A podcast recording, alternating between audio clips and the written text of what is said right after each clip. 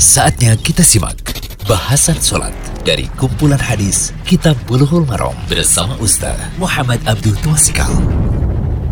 Bismillahirrahmanirrahim. Assalamualaikum warahmatullahi wabarakatuh. Alhamdulillah. Wassalatu wassalamu ala rasulillah wa ala alihi wa man tabi'ahum bi ihsan ila yaumiddin. Allahumma anfa'na bima alamtana wa alimna ma yanfa'una wa zidna ilma. Puji syukur kita panjatkan pada Allah Rabbul Alamin Salawat serta salam uh, semoga tercurah pada Nabi besar kita Muhammad Sallallahu Alaihi Wasallam.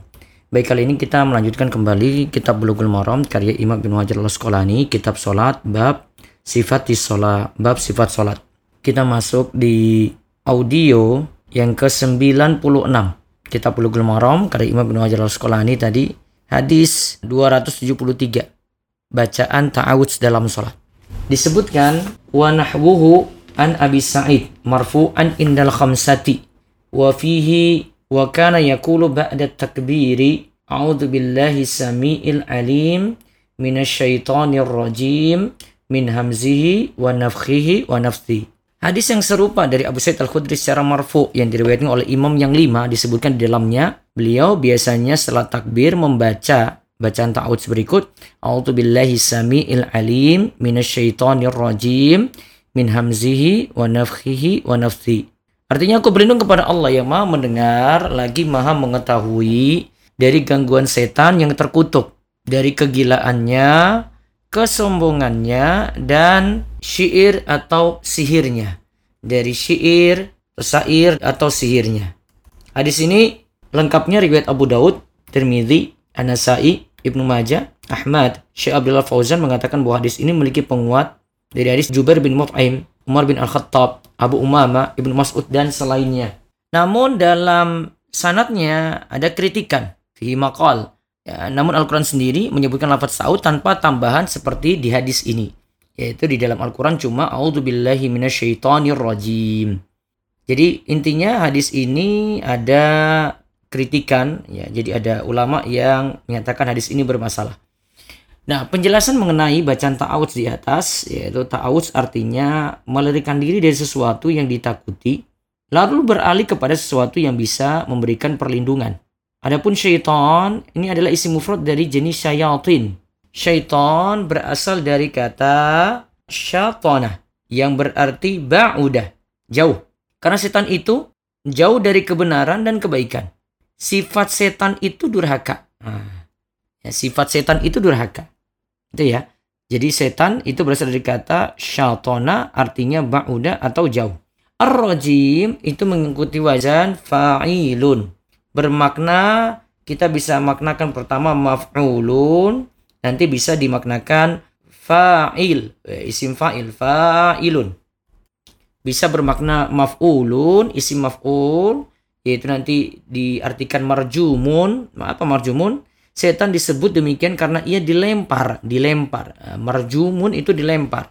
Setan disebut demikian karena ia dilempar saat mencuri berita. Atau makna lainnya adalah dilempar dengan laknat, eh, yaitu terkena laknat. Atau kita sebut tidak mendapatkan rahmat. Adapun ar-rajim juga bisa bermakna fa'ilun berarti rojimun melempar bermakna fa'ilun rajimun. Artinya melempar. Yang berarti setan itu melemparkan kesesatan pada manusia. Menghiasi mereka dengan kesesatan dan menyukai kerusakan pada mereka.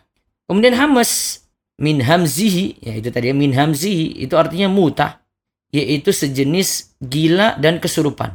Setan disebut demikian karena setan itu jadi sebab seorang menjadi gila dan kesurupan. Adapun nafak, nafak itu artinya kiber, sombong. Nafak itu artinya kiber, sombong. Yaitu setan itu membisik pada manusia hingga ia merasa dirinya itu di atas. Akhirnya merendahkan yang lain. Nafas itu artinya syair, syair, sair. Karena seperti sesuatu yang disemburkan oleh manusia dari mulutnya. Nah, setan itu membuat para penyair menyanjung, mencela, mengagungkan, dan merendahkan bukan pada tempatnya. Namun nafas juga bisa diartikan dengan sihir. Ya, bisa diartikan juga dengan sihir. Sebagaimana, sebagaimana ayat dalam surat Al-Falaq ayat 4, ya, wa min syarrin nafathati fil uqad. Di situ ada dan dari kejahatan tukang sihir yang menghembus pada bulu-bulu. Nah, di situ disebut menghembus ya. Jadi maknanya itu menghembus. Ya, kalau tadi kita sebut disembur gitu ya. Nah, sekarang faedah hadis. Hadis ini jadi dalil mengenai syariat membaca ta'awudz sebelum membaca surat dengan lafaz seperti dalam hadis yaitu A'udzu billahi samiil alim minasyaitonir rajim min hamzihi wa nafthihi wa nafsi. Yang kedua, hukum bacaan ta'awudz adalah sunnah sebelum membaca surat dalam sholat maupun di luar sholat. Inilah pendapat jumhur ulama. Sedangkan ulama yang lainnya mengatakan wajib. Namun yang lebih tepat di sini adalah uh, sunnah. Kemudian yang ketiga, maksud membaca ta'awudz sebelum membaca surat adalah di rokat pertama, bukan dibaca pada saat atau sebelum takbiratul ihram, bukan. Pada saat mau atau sebelum takbiratul ihram, bukan. Karena bacaan ta'awudz maksudnya adalah kiroah untuk kiroah.